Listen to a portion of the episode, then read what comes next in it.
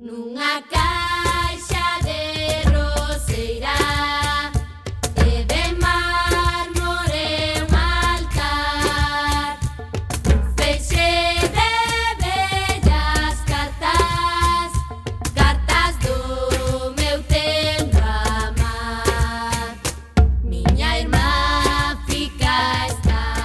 Ola, que tal, xentiña recendeira? Benvidas e benvidos a este espacio radiofónico semanal dedicado á cultura que facemos en riguroso directo todos os martes a 7 da tarde aquí en Coac FM no 103.4, a Radio Comunitaria da Coruña.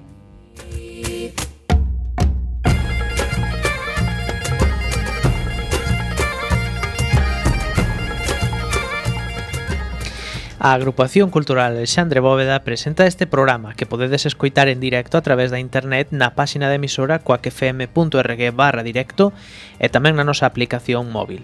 E se non chegastes a tempo, non tes excusa, compañeira. Podes descargar todos os programas xa emitidos en Radioco, o mega podcast da nosa emisora. Ou tamén podes escoitalo na redifusión, que será os mércores ás 8 da mañá, os venres ás 16 horas e na madrugada do domingo luns ás 12 da noite.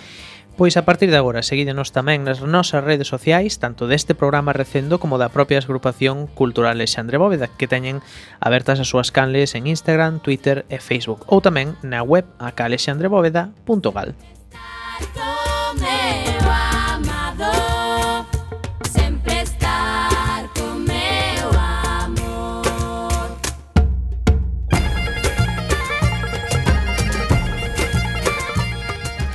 E xa sen máis imos caraló na procura desta fantástica aventura cultural con Roberto Catoira no control técnico e falándolles coa Almanteira, Miguel Anxo Facal e Marta López.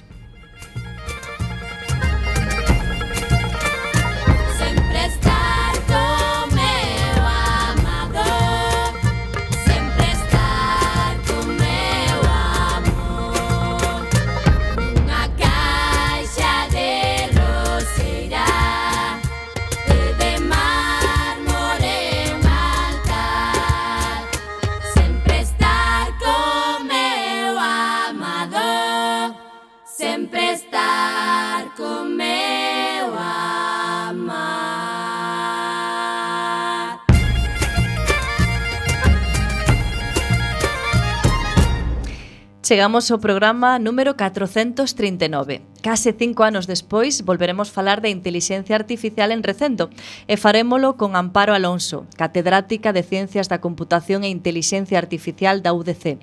Tamén falaremos das actividades da nosa agrupación e das outras cousas que se fan na Coruña e na Galiza e que tamén son cultura.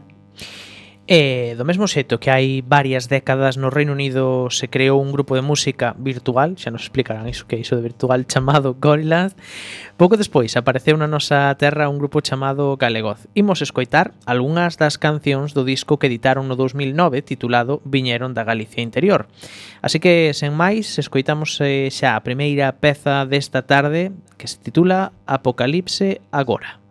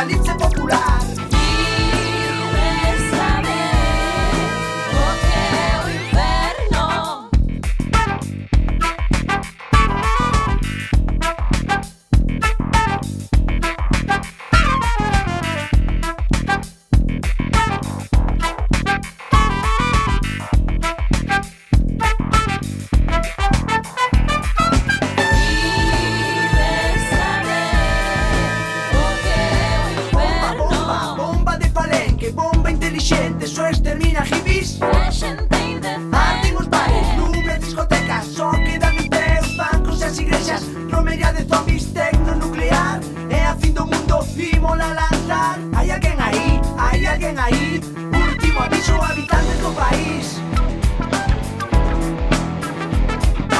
Hay alguien ahí, hay alguien ahí, 39 zombies controlados por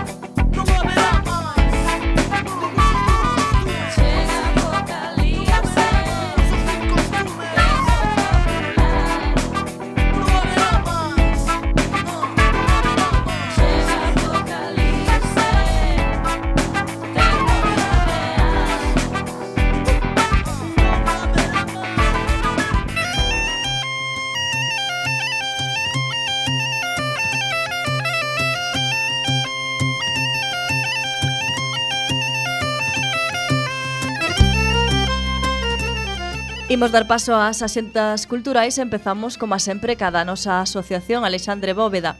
O mércores 7, o escritor Chisco Fernández Naval impartirá a palestra Urbano Lugrís, dentro da balea. Seguindo co ciclo de homenaxe e lembranza de Urbano Lugrís no 5, eh, 50 cincuentenario do seu pasamento. Será ás 19.30 horas no noso local.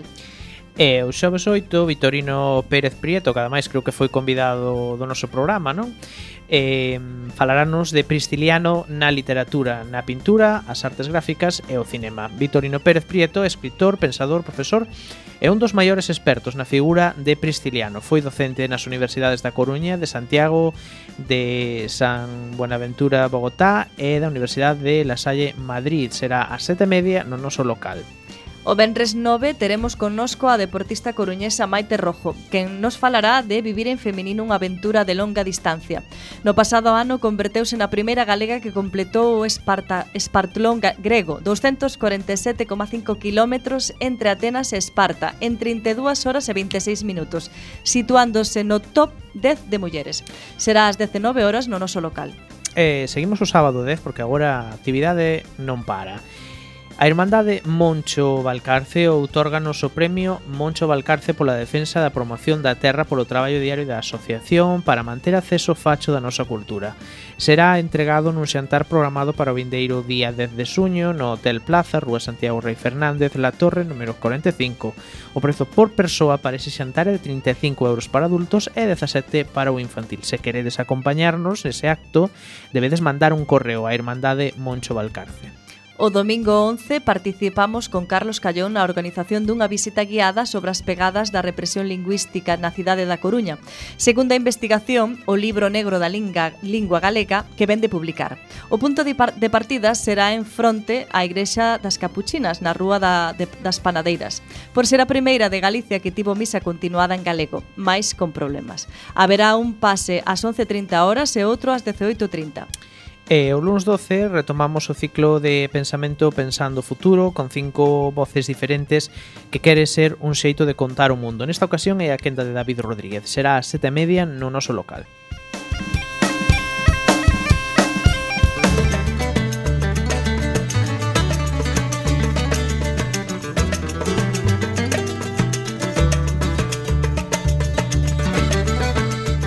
É a quenda agora da Xenda da Coruña. Empezamos polo eido audiovisual.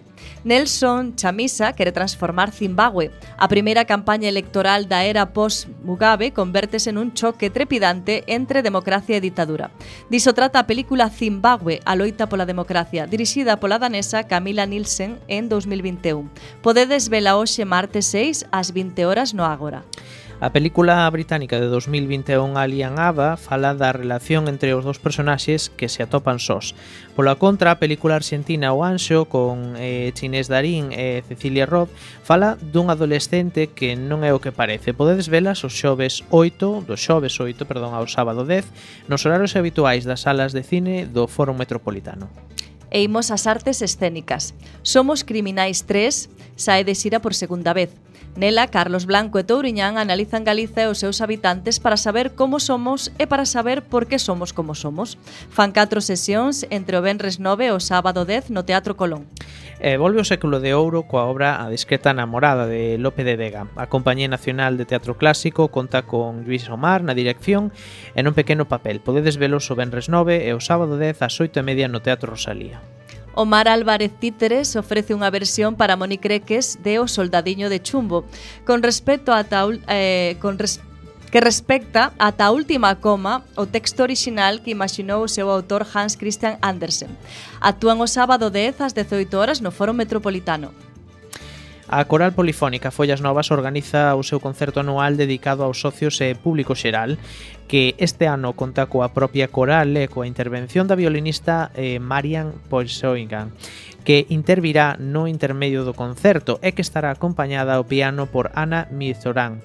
Tocan eh, o domingo 11 ás 8 no Teatro Colón, con entradas de balde un par de referencias roqueiras. O grupo Doctor Explosión toca na Sala Mardi Gras o Benres 9 ás 22.30 horas.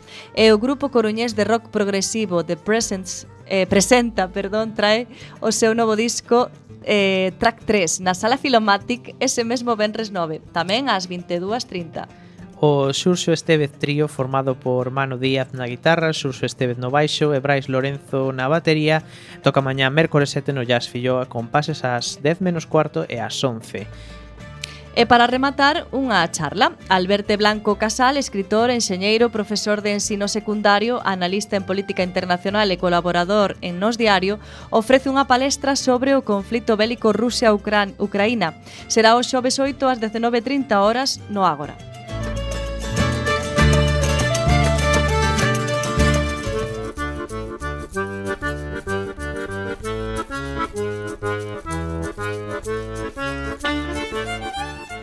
Pois tempo agora en recendo para repasar brevemente a xenda da Galiza, imos a Ferrol, Nacho Muñoz, Electrónica, Faia Díaz Voz e Lar Legido Batería ábrense a experimentación sonora dende a tradición musical neste proxecto, unha mirada única, contemporánea e transgresora sobre o repertorio de Ceca Alfonso. Actúan os xoves 8 ás 9 na Capela de Torrente Ballester. E imos a Lugo, The Wish, un espectáculo ritual. Conta a historia dunha das moitas mulleres acusadas de bruxaría na Idade Media. A intérprete é Diana Sieira e conta eh, coas voces en off de Manuel Lourenzo e Marita Martínez. Podedes vela o xoves 8 ás 20.30 horas no Auditorio Municipal Gustavo Freire. Kiko Comesaña formou parte de grupos como Armeguín, Fía na Roca, Oxía Grupo e Berrogueto. Nesta nova etapa estará acompañado por Carmen Gallego, violín Nil Charpa, Marcos Padrón, acordeón, e Paula Oanes, arpa céltica e Leandro Deltel, percusións. Presentan o disco titulado Mae, o Benres 9 ás 9, precisamente, no Teatro a Fundación de Vigo e pegamos un chimpo a Pontevedra. O musical dos 80 e os 90 é, segundo algúns, a comedia musical orixinal máis divertida do ano. Mestura o mellor pop español dos 80 e 90 con éxitos internacionais e coas mellores cancións de verán que marcaron a xuventude dos boomers.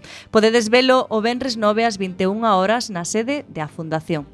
E se o nove estades na capital da Galiza podes ir escoitar a Caldo, que é un trío vigués de folk fusión que compón cancións propias e revisan o repertorio tradicional galego centrándose na aldea de Moscoso.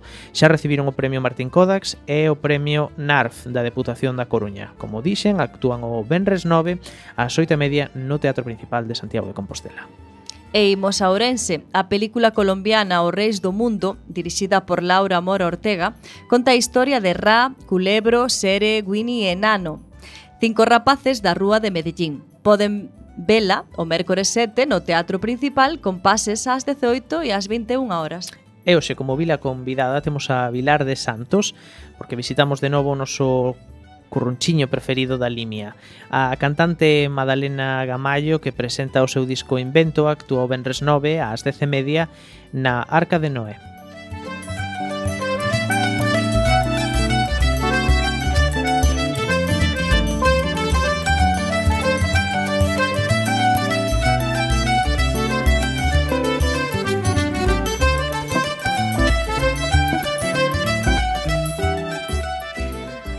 Hoxe imos retomar un tema que xa tratamos hai case que cinco anos. Se naquel momento o tema en cuestión aínda non irrumpira na nosa vida cotía, dende hai uns cantos meses estamos convivindo con el.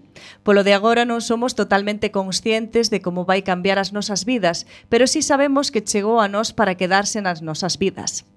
O tema do que imos falar non é outro que a inteligencia artificial. Hai cinco anos, a intelixencia artificial aínda pertecía ao universo da ciencia ficción, pero dende a popularización de ferramentas como ChatGTP3, a intelixencia artificial está ao alcance de todos nós. Podemos empregala para crear textos, preguntarlle calquera cuestión por moi estúpidas ou trascendentais que estas poidan parecer.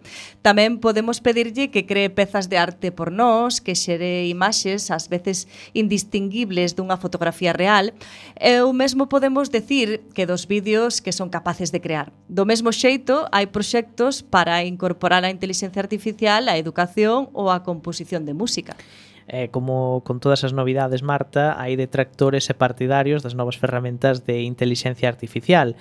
Hai quen ve mm, que se abren toda un pois unha serie de novas posibilidades de mellorar a nosa calidade de vida, como pode ser a posibilidade de empregalas para crear tratamentos médicos á carta segundo a persoa pero tamén hai quen renega delas porque pode poñer en perigo millóns de empregos, ou mesmo quen cree que acabará coa creatividade ou coa capacidade de análise crítico. Tamén hai voces autorizadas e reputadas que alertan do perigo que pode supoñer unha, unha inteligencia artificial desbocada para unha especie humana.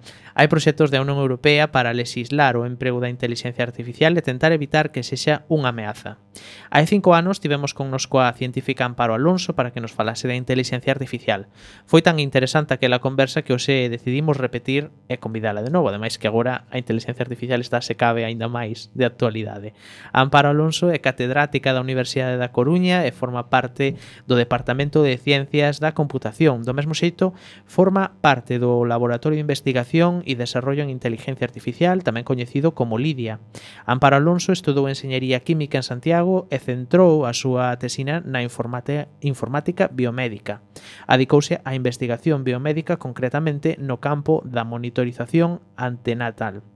Máis adiante centrouse en campos máis vencellados á informática, como son o mantemento intelixente dos aeroxeradores, así como simulacións dos efectos das diferentes políticas medioambientais sobre o noso entorno. O seu traballo na inteligencia artificial vencellado ao grupo Lidia céntrase nos algoritmos de aprendizaxe de redes eh, neuronais, así como a aplicación de inteligencia artificial en enxeñería bioinformática e redes neuronais e funcionais, así como informática biomédica e axuda para a diagnose clínica. Eh, pois nada, moi boas tardes, Amparo. Boas tardes, que tal? Nos encantados de que estes aquí e sobre todo con este tema tan, non? Eh, tan candente. Eh, tan candente. Temos moitas preguntas para ti. Pois nada, ah, empezamos. Así, moi ben, pois Dende as nosas a nosa última conversa, eh, cales son os principais avances que presenta a inteligencia artificial nestos cinco anos para aquí? Supoño que moitísimos. Ai, bueno, pois nestes eh, cinco últimos anos o que pasa, creo eu, é que eh, cada vez máis vamos tendo... Eh, áreas disruptivas ou aplicacións disruptivas dentro da inteligencia artificial. Non? Mm. Primeiro surxe este AlphaGo, este sistema que, que, que conseguiu batir o campeón do mundo de de Go, despois todo eso eh, acaba tamén a mesma empresa que, bueno, que foi comprada por Google eh, con outra eh, aplicación que se chama AlphaFold que constitúe unha das descubrimentos científicos máis importante dos últimos anos, eh, porque con, gracias a eso temos o mapa de proteoma humano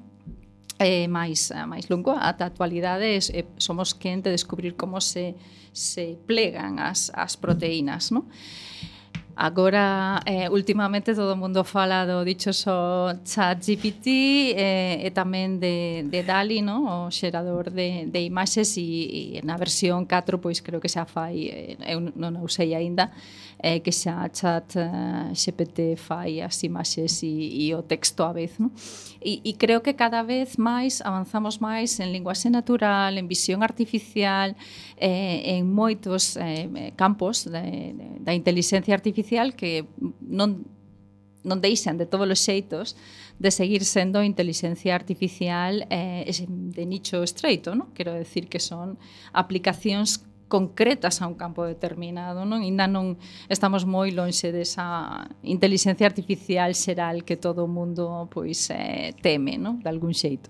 Entón, en términos absolutos, a melloría da, da calidade destas ferramentas é tan grande como semella ou non é para tanto? Sí, sí que sí que aumentou muitísimo porque nestes anos pois fomos quen de chegar a, a, a ser capaces de xerar un texto totalmente natural co chat eh, GPT, por exemplo, que antes non tiñamos, non?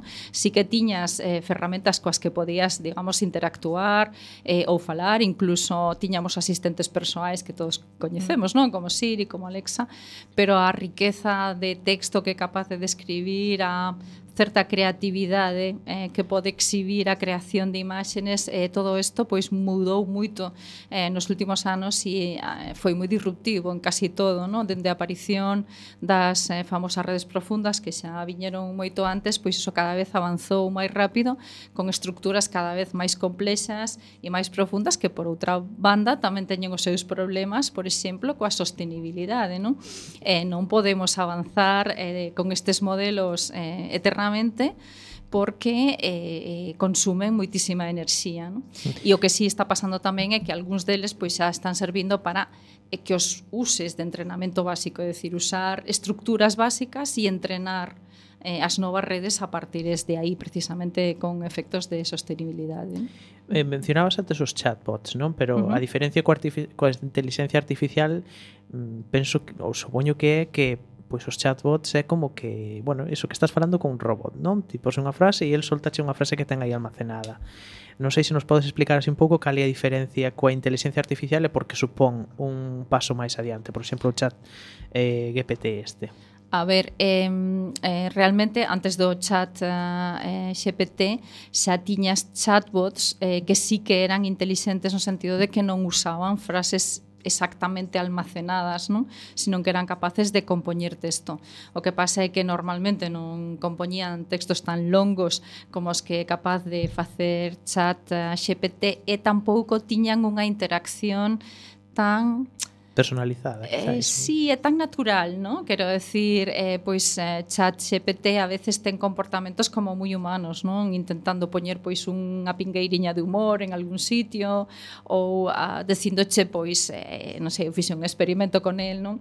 Eh, sabedes que a versión anterior a, a 3 non era moi boa calculando, pois porque non está feito para calcular, é dicir, chat GPT o obxectivo é eh, predecir a seguinte palabra que che ten que poñer en un texto para soar natural. Entón eu pregunteille, pois pues, imagínate, non sei, canto é 4 e 3? E díxome 7. Eu dixenlle, se está seguro? El díxome, sí, creo que sí. Eu dixenlle, pois miña nai di que son 5. E contestoume, ah, pois eso é un problema porque as nais sempre teñen razón. que ben. Sí. Entonces, quero decir que este tipo de interacción tan natural non, non se daba eh, anteriormente, non? Uh -huh. E agardabades que estas ferramentas se puxeran ao alcance de, de calquera usuario? Bueno, a mí o chat eh, GPT XPT sorprendeu eu creo que como a todo mundo, non?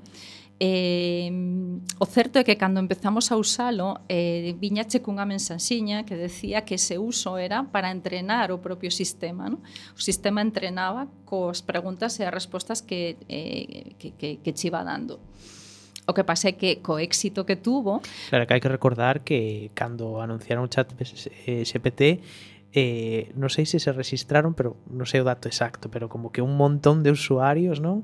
Eh, sí. na páxina, eh, claro, se si aprende realmente das interaccións, pois canta máis xente registrada e usando mellor, non? Claro, correcto. Eh, eh, de xeito, eh, non sei se usastes vos algunha vez, pero eh, ao principio podías usar como moi vamos, con facilidade e despois as poucas, eh, os poucos días. Estaba caído Estaba moitas saturado. veces, dixeron que tiñan que escalar, desconectarono durante unha temporada, bueno, e finalmente acabaron tendo esta versión tamén, eh, digamos, máis profesional, a versión 4, que a que de pago, no? a que claro. costa, teño entendido, uns 20 dólares ao mes, eu non a usei, pero teño un amigo que di que son os 20 dólares eh, mellor invertidos da súa vida, así que non sei, haberá que ir non a... Non sei cal son as diferencias, sabes? Eh, sí, que eh, o chat GPT-3 usa solo texto e se queres usar imaxes tens que ir a outra ferramenta esta dali. Eh, parece que o 4 usa as dúas cousas e é capa, eh, texto e imaxenes é capaz de calcular xa eh, como non o era o chat GPT-3 ten unha interacción máis natural e máis rápido. Hmm. bueno que puxeron como un pouco de esteroides aí, non? Digamos. claro, sí, fixeron unha inversión económica moi forte. Quen está eh, detrás de ChatGPT? Está Microsoft, ¿no? Que bueno, os que fixeron ChatGPT foi esta compañía mm. OpenAI. Mm cada vez máis AI menos, menos open, mm. pero acabou na comprando en parte Microsoft e, e foi a que puxo os cartos aí, non? Creo que tamén aí hai unha certa tensión porque, bueno, pois esta compañía, digamos que acabou uh, en uns primeiros postos que antes era outra compañía que tiña esa posición bastante prioritaria, non? En inteligencia artificial e agora pois Iso mm. está quedou un pouco en entredito, hai unha forte competencia. Mm. Entre eh, todas eh, mencionaches o de Open eh, o sí. de estar abertos, non? Suponse que sí. igual na filosofía ao principio estaba iso de ser, bueno, pois software aberto, non? Que uh -huh. podemos mirar dentro del, digamos, e agora quizá iso estar tanto Microsoft non. Iso pode ser algún peligro? Bueno, esa é unha das razóns polas cales Italia acabou eh, prohibindo o chat GPT, non? Porque decía que non tiña clara cal era a política de como guardaban os datos, como accedían a eles, que tipo de seguridade usaban e que eh, eles consideraban que violaban a, a Lei Xeral de Protección e Regulación de Datos da Unión Europea, non xa a nova regulación, sino a anterior, e según teño entendido, lles pediron que aclarasen algunhas circunstancias eh, que non sei se aclararon, non parece que non, non sei se sigue aí o tema ou non. E tamén recentemente, eh, pois o señor Alman, o, o de OpenAI, pois eh, lanzou en un momento esa idea de que non podería ter esta ferramenta cabida en Europa, coa legislación e tal, e despois, bueno, se botou un pouco atrás aí, non? Aí estamos o... Decíanos noso técnico que Open e Microsoft son palabras contradictorias. bueno, en fin.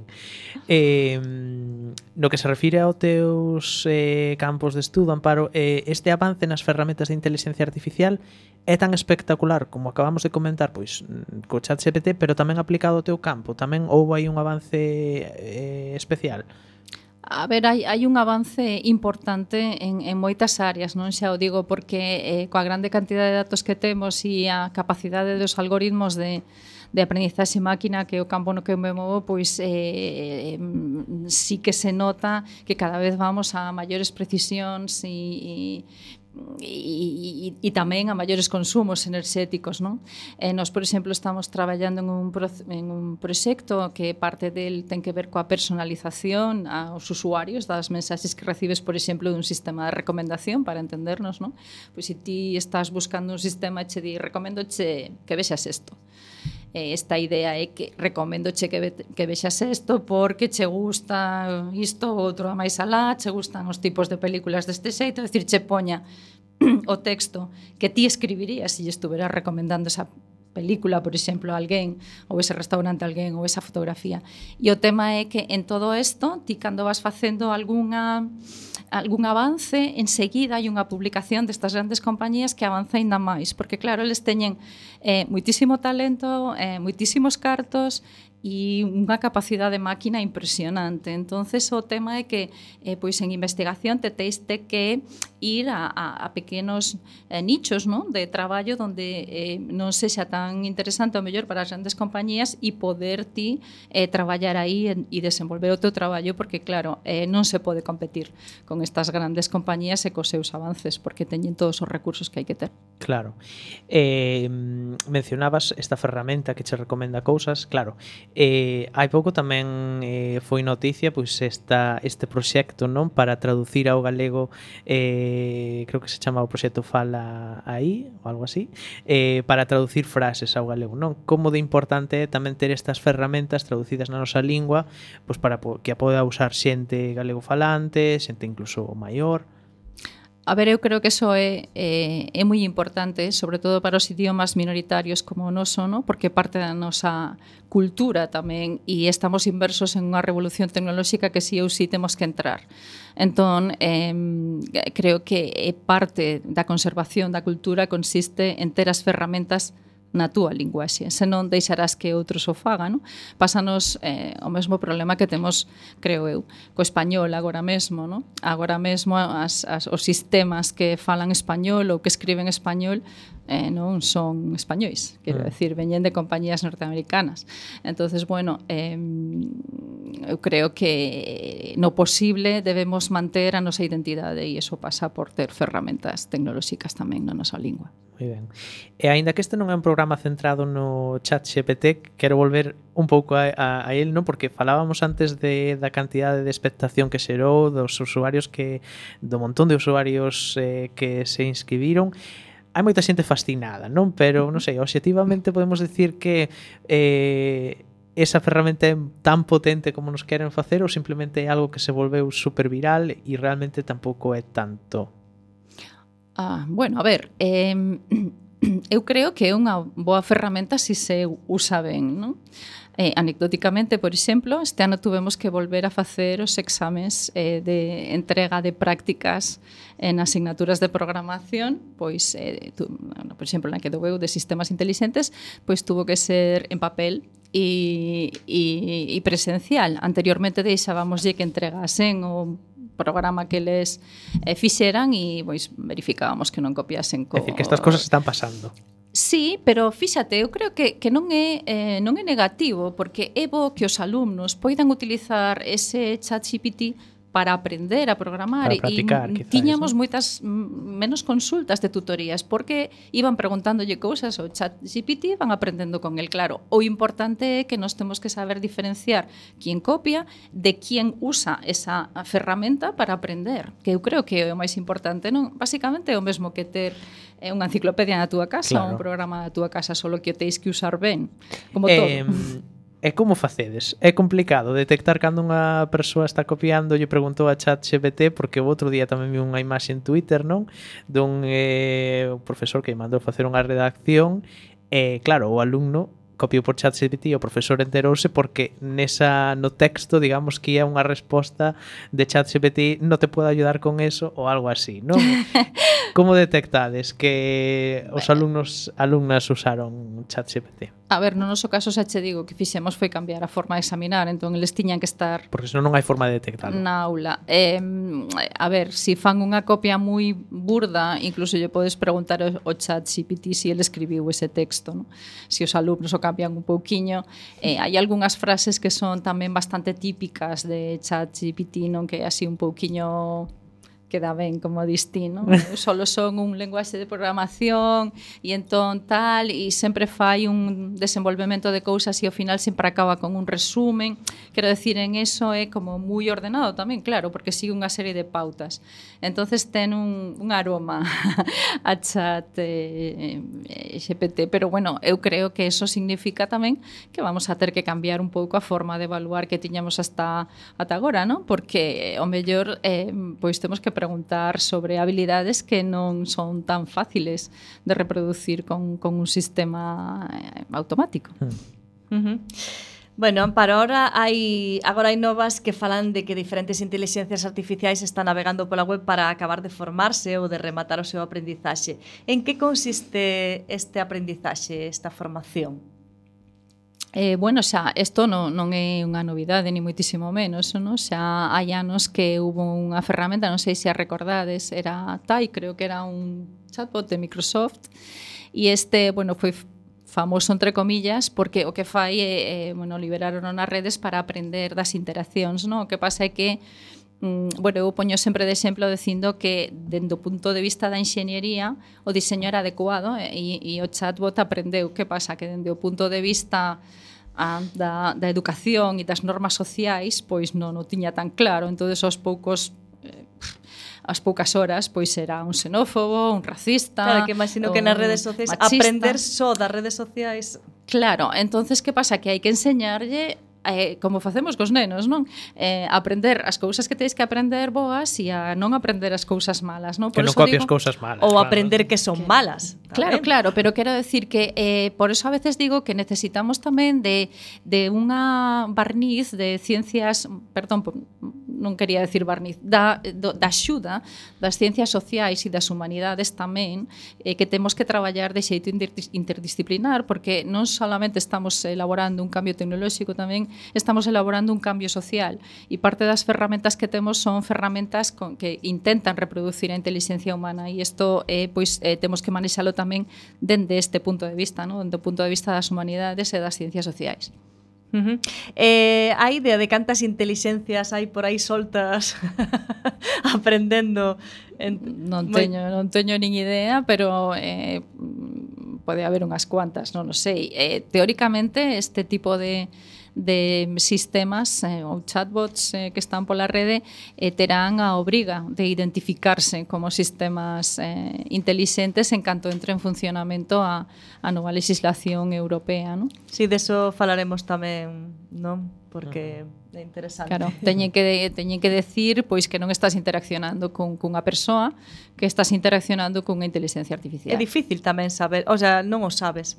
Non, nos, no, non, eu a veces está mirei... perfecta que non o, non o sabes. Sí, non sei se si escoitastes algunha vez eh, unha destos primeiros eh, sistemas que había de chatbots que eran eh, tamén como moi naturales, este era con voz e collía citas en unha peluquería e era alucinante, o sea, che preguntaba normal, si ti lle cambiabas a cita che volvía a decir, che preguntaba, era indistinguible prácticamente dunha persoa. Bueno, supoño que era mellor si te metías en moitas fonduras, pero con unha conversación normal eh, non tiña ningún problema en ter unha interacción natural. Teñen que aprender entonces estes cando chamas a, para pedir cita para o médico, a verdade é que a voz que sale de natural ten, ten de todo menos de natural, o sea, é máquina total. Así que o mellor deberían poñer unha desas máis natural para, para interactuar, non? Pois sí.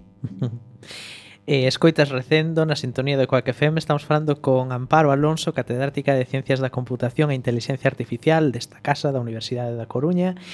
E para quen non o saiba, para a nosa audiencia que aínda acabe de aterrizar agora no planeta Terra e non saiba que é iso da, da inteligencia artificial, Cando falamos así de inteligencia artificial, así en termos xerais, mm, a que nos estamos a referir con este termo? Bueno, eh, a ver, eh, a inteligencia artificial pois é unha parte da, da computación, unha parte da informática que o que eh, quere é desenvolver eh, sistemas software ou máquinas, estamos falando xa de imbuir en un robot, por exemplo, que sexan capaces de reproducir comportamentos humanos intelixentes, é dicir, que sexan capaces pois de aprender, ah, de razonar, de ter de recoñecer e de emitir eh, lenguaxe natural, de recoñecer escenas con imágenes, de por visión artificial, ten moitísimas e diferentes partes a inteligencia artificial. E, e bueno, digamos que mm, a mí me gusta decir que se plantea plantexa unha pregunta eh, das profundas das ciencias, non? A veces a bioloxía pois se pregunta eh, por que como somos os humanos ou pois a inteligencia artificial se pregunta que é a inteligencia porque necesitamos saber que é para poder reproducila. Claro, eso é algo que aínda non sabemos totalmente dende o punto de vista científico. Claro, Así igual é que... complicado darlle resposta a iso aquí en recendo, pero bueno, vamos a intentar. En que se diferencia? Ou ti que crees en que se diferencia pois a inteligencia artificial da animal natural ou, digamos, da humana ou da nosa ou da natural? Uf, está despoñendo complicado. Estamos é unha entrevista complicada. sí, a ver, eh, a inteligencia artificial que temos ata o de agora é eh, o que se chama, e antes o mencionamos, unha inteligencia artificial eh, de nicho estreito, ¿no? Quero decir, a, o, o bello soño eh, inicial da inteligencia artificial que parecía que era tan sencillo, no tan sinxelo, era eh, poder reproducir inteligencia humana do xeito que, que o decía Turing, non? a inteligencia humana xeral. O certo é que nesa parte aínda non estamos, despois de tantos anos, porque a inteligencia artificial non o dixemos, pero é do século pasado, do 1956, con este nome, e, non temos unha inteligencia artificial xeral. Temos unha inteligencia artificial, como digo, específica, en sistemas que son moi bons, pois recomendándoche ítems nunha web ou nunha plataforma ou eh, falando contigo de algo ou recoñecendo unha escena ou diagnosticando un tipo de cáncer concreto, pero non temos unha inteligencia artificial xenérica que sea capaz de, por exemplo, facer eh, recomendacións en medicina xeral, porque é un campo muitísimo máis amplio, ou en traspasar, eh, digamos, de, de, de campo, no? Eh, alguén que sepa xogar o axedrez, pois é fácil pasar a xogar as damas, e ti queres que eso faga o sistema, teilo que, entre comillas, reprogramar. Terías que volver lle dar os datos, terías Entrenalo. Que... Exactamente.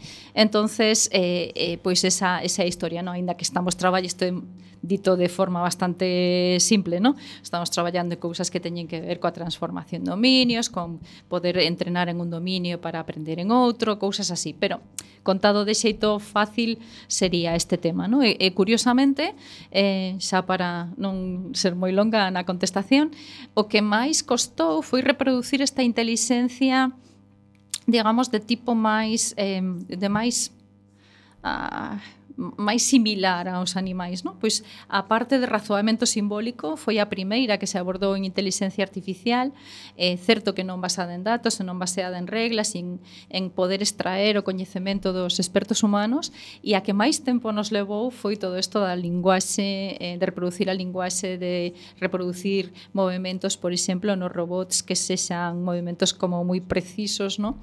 Eso non quere decir que non nos teñamos, por exemplo, no, no robot da Vinci, non? Que este sistema sistema que se usa mm. para facer eh, pois eh, ciruxía de alta precisión. Pero é moi difícil eh, pois facer como a, pois un ciruxano, non? É capaz de ter unha precisión super alta en unha determinada cousa e despois xogar ao baloncesto. Bueno, pois non temos un sistema robótico que sea capaz de operar eh, maravillosamente e despois xogue o baloncesto máis ou menos ben, nin uh -huh. siquiera. Supoño que se si, si somos capaces de crealo xa a humanidade, adiós. non, bueno. non hai ese medo a que a humanidade desapareza a causa da inteligencia artificial. Bueno, hai, hai moitas cousas aínda aí que son eh, moi importantes, non? Eh, que sei, por exemplo, a consciencia, non? Pois non hai ningunha evidencia de que estes sistemas sean conscientes ou ateñan, que sexan capaces de facer cousas tan bonitas eh, que facemos os humanos como ter compaixón ou amar. Non? Uh -huh. Hmm. Bueno, ou facer un programa de radio. o programa de radio podería facelo perfectamente. Bueno, depende, sí. depende.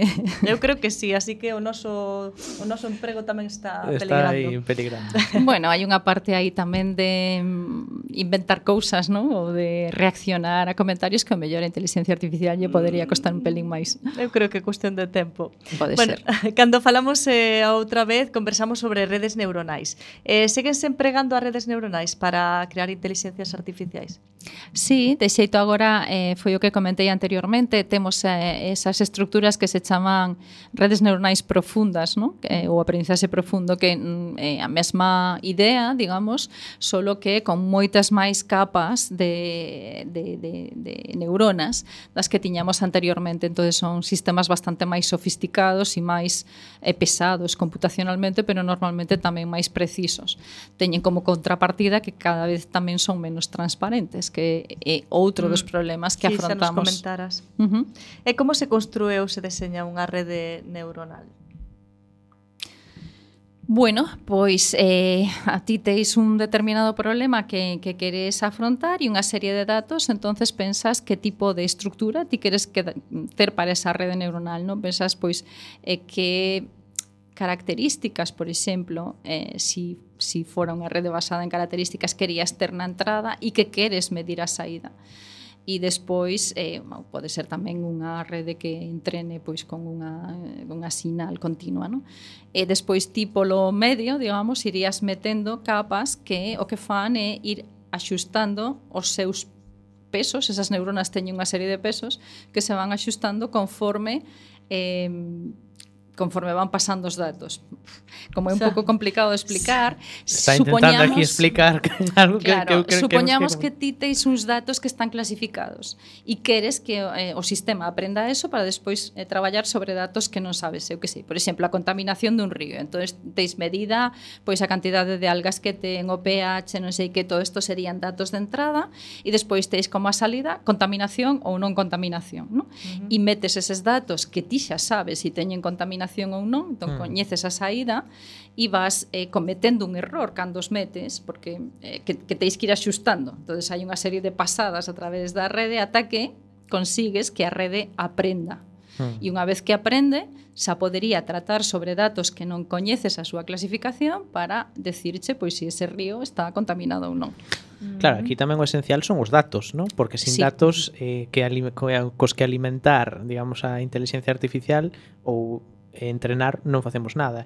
E unha das críticas que se fai tamén, por exemplo, a ferramentas tipo DALI, non? É que moitas veces eh, collen, eh, imagínate, obras de arte que teñen uh -huh. autores e tal, para crear outras sin uh -huh. referencialas, non? Iso tamén é un problema, non crees? Sí, bueno, hai que decir que a inteligencia artificial eh, non solamente temos a que está baseada en datos, de feito, antes falamos da que está baseada en coñecemento ou en outros tipos de aprendizaxe, pero sí, basicamente a máis eh, común hoxe en día é a que está basada en datos e efectivamente pois hubo problemas, ¿no? Eh, problemas de, eh, de, de, de estar usando imágenes que, que non se poderían usar eh, libremente, sin, sin permiso, exactamente. Claro eh, bueno, aí, aí, aí tamén hai un campo no que traballar, hai moitas cousas nas que traballar en regulación da inteligencia artificial porque traen riba da mesa eh, aspectos pois que antes non, non pensábamos tanto neles, non? Uh -huh. Eh, mencionaches antes tamén o caso italiano eh, que, uh -huh. bueno, ca prohibición de chat GPT. Sabemos algo dos plans da Unión Europea para legislar sobre as inteligencias artificiais? Bueno, sabemos que, que hai en riba da mesa xa eh, o, o AI Act este, a proposta de regulación sobre os sistemas intelixentes eh, que funciona en plan niveles de risco, ¿no? entonces habrá niveles de risco inaceptables, ferramentas que estarán prohibidas directamente. Despois están as de baixo risco e medio risco, que esas en principio terían solo que identificarse como sistemas eh, inteligentes cando estás interaccionando con eles e se centrarían as de alto risco, non? que son as que terían que cumplir unha serie de requisitos e de guías para, para isto. E, e bueno, que está facendo España, que puxo aí tamén unha pica en Flandes, foi ofrecerse para testar esta esta reglamentación eh, ahora durante a, esta presidencia española da da Unión Europea, pois se eh, supón que íbamos a facer un informe, digo se supón porque non sei a, a como afecta a todo isto o panorama político, o ¿no? tema eh, das eleccións e eh, todo, sí. Eh, eh, claro, eh, entonces pois eh, e que isto iba a servir un pouco para poñer a tirita antes da ferida, non? Digamos para probar eh, que, esa, eh, que, que a legislación se podría utilizar, que as empresas a poden entender ou que atrancos podería haber antes de que esa legislación se puxera en marcha. Agora tamén hai unha, eh, unha serie de eh, de voces, eh, como comentaste anteriormente, ¿no? de persoas que piden que esa regulación se faga a nivel mundial hai aí pois eh, moitas cousas eh, no medio, non? Hai eh, O sea que a, a Unión Europea neste sentido está se adiantando un pouco, non? O que Si, sí, a, a Unión Europea xa no 2018 se reuniuse o grupo de expertos de alto nivel en inteligencia artificial e elaborou estas directrices para unha inteligencia artificial eh, confiable e ética, ¿no? eh, que está basada pois en supervisión humana todo o tempo, eh, pois en eh, eliminar ris eh, sesgos, perdón, en, eh, en unha sostenibilidade medioambiental e social, en temas de seguridade, etc. E, eh, bueno, pois, eh, xa digo, levamos moito tempo con isto dende a, dende a publicación no 2019 destas, destas guías. Eh, o que pasa é que os outros dous centros do mundo en inteligencia artificial, non que son Estados Unidos e China, pois non, eh, non estaban moito por o labor E agora Estados Unidos xa no, en outubro, creo que foi do 2022, sacou unha proposta tamén, un Bill of Rights eh, similar a, ao europeo e agora eh, pois os científicos están cada vez máis incidindo en que temos que ser un pouco eh, máis agresivos con esa su, mm, supervisión da inteligencia artificial e si que a da Unión Europea pois é, eh, é unha eh, digamos algo no que basearse xa, pero queren algunhas voces ir un pouquiño máis sala. Vamos hmm. a ver a dónde chegamos. Bueno, seguimos con... ver movimento no campo legislativo con relación á inteligencia artificial. Sí. Eh, non podemos deixar de mencionar tamén, porque na Coruña imos ter esta xencia da inteligencia artificial, eh, como vai beneficiar esta xencia a Coruña ou por que é interesante que este aquí? A ver, como dixen antes, eh, España ofreceuse a Unión Europea como campo de probas da, da legislación eh, en inteligencia artificial que se publicaría en xaneiro 2024 e entón nos eh, pois seríamos unha das cousas eh, que, que hai que facer é ter unha xencia que sería que se ocuparía da supervisión ética da inteligencia artificial. A primeira xencia creouse en España precisamente por este tema de ser pioneiros e cre, eh, a sede vai a estar na Coruña. Eu creo que eso nos nos sitúa claramente no mapa mm. da inteligencia artificial ética en España e, e en Europa, por suposto, e, e tamén, porque non, no mundo. Non? Eu creo que agora eh, tamén entra en, eh, na nosa parte como, como Galicia, como Coruña, como eh, España e aproveitar eh, que esa, esa xencia está aí, claro, porque Se si ao final ven, porque bueno, aí está o tema este mm, a bueno, telenovela este de a ver si eh, ven, sí, con si, Granada, ¿no? con Granada, claro. Bueno, eu creo que esa non sei, eh, debe ser unha decisión eh, era, vamos, non sei, eu novo e eh, viña que en todo caso tamén unha decisión finalmente eh, política, non tamén. Claro. E hai unha serie de puntuación que, bueno, Granada pois considera que ten ah, pois dereito a reclamar e, e eu sí, que está facendo. En caso teñen pero... todo o seu dereito a reclamar, tamén non hai ningún problema. Sí, sí, bueno. Aí está. Aí estamos, sí. E eh, Amparo, canto crees que tardará a inteligencia artificial en ser superior á inteligencia humana? Ah, nada, si xa sabe. ¿eh? bueno, en certos ámbitos, claro. Claro, claro. Pero eh, falamos xa máis como máis globalmente, non? Eh, ti queres decir canto tempo tardaremos en ter unha inteligencia artificial xeneral? Exactamente. Uf, eu non o sei. Eh, non te eh, atreves a pronosticar. No, eh, é, é moi complicado decir eso. Eu creo que de todos xeitos aínda estamos un pouco lonxe deso. E sabes, aparte de necesitar eh, regular todas estas cousas, eu creo que tamén necesitamos producir novos métodos de evaluación, non? Porque despois te topas con xente como este señor de Google que dixo que, que tiña inteligencia, que, que tiña unha ferramenta que tiña inteligencia dun neno que estaba a despertar e non sei que, claro, eso como evalúas que esta persona está dicindo a verdade ou está un pouco xa. fora de órbita, non?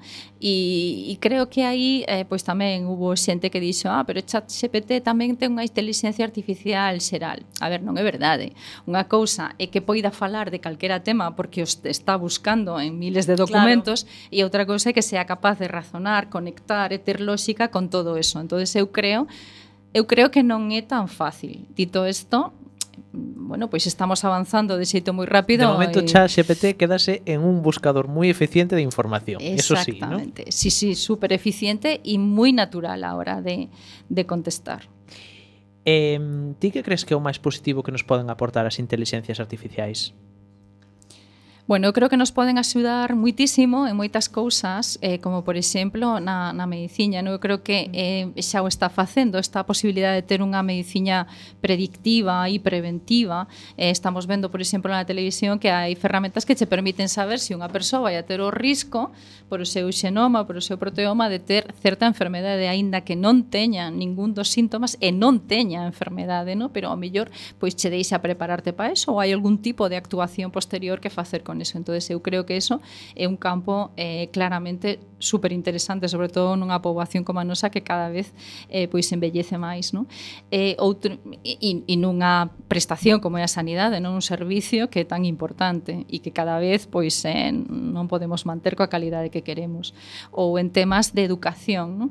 eh, falamos moito de educación de calidade, pero é moi difícil porque non podemos adaptarnos os profesores cando teis pois 50 alumnos en clase, 100, 25 a como aprende cada un deles, no? a integrar persoas que teñen algún tipo de de dificultade añadida ou de característica especial e si sí poderías eh, ser moito máis eh, adaptativo, ser moito máis eh, eh, personalizado na mm. forma de ensinar con, con sistemas como este e despois pois eu creo que é fundamental para loitas contra o cambio climático, por exemplo, podemos ser moito máis hostibles, eh, temos moito máis optimizada a industria, reducir as pesticidas, os fertilizantes, eh, incluso fixar población en zonas que agora pois a xente non pode ir aí sempre que considere que mm. consigamos pois eh, ter unha conexión adecuada. Creo que pode facer moitísimas cousas moi boas para a humanidade personalidade ben Cousas manexada. boas e al negativas?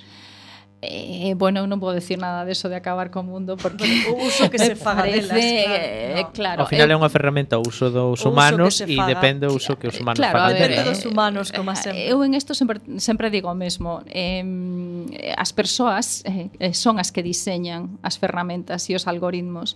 Eh, non existe ningún motivo por o que un queira como enxeñeiro acabar coa humanidade ni moi nin poñela en perigo, non? Outra cousa é, bueno, pois que hai que ter cuidado coas cousas que se fan, por suposto hai que ter eh, eh hai que ter eh, hai que ser riguroso co que se fai e moitas veces pois tamén eh, falamos da legislación, pero a legislación non nos soluciona todo, senón pois non habería roubos nin asesinatos. Eso non o podes evitar, non? pero o que sí que é certo é que tamén eh, eu creo que require unha labor moito máis eh, colaborativa entre todos. Non? Ah, por exemplo, a mí me, me, me fascina que este señor de OpenAI, do que falamos anteriormente, Alman, non? diga que isto hai que paralo e que é moi peligroso, pero vamos a ver, para o ti que teu, non? É dicir, eh, eh, eu creo que as empresas se teñen que responsabilizar das cousas que fan e as persoas eh, temos que ser máis cultas coas cousas que pode facer ou non a inteligencia artificial e a educación pois ten que ser moito máis eh, eh, máis eh, especializada tamén mm. en tecnoloxía, pero nos estamos quedando un pouco atrás. Amparo, foi un placer falar contigo. Moitísimas grazas por vir esta segunda vez aquí aos estudios da Zapateira de Coac FM, que máis están, quedanche moi cerca, non?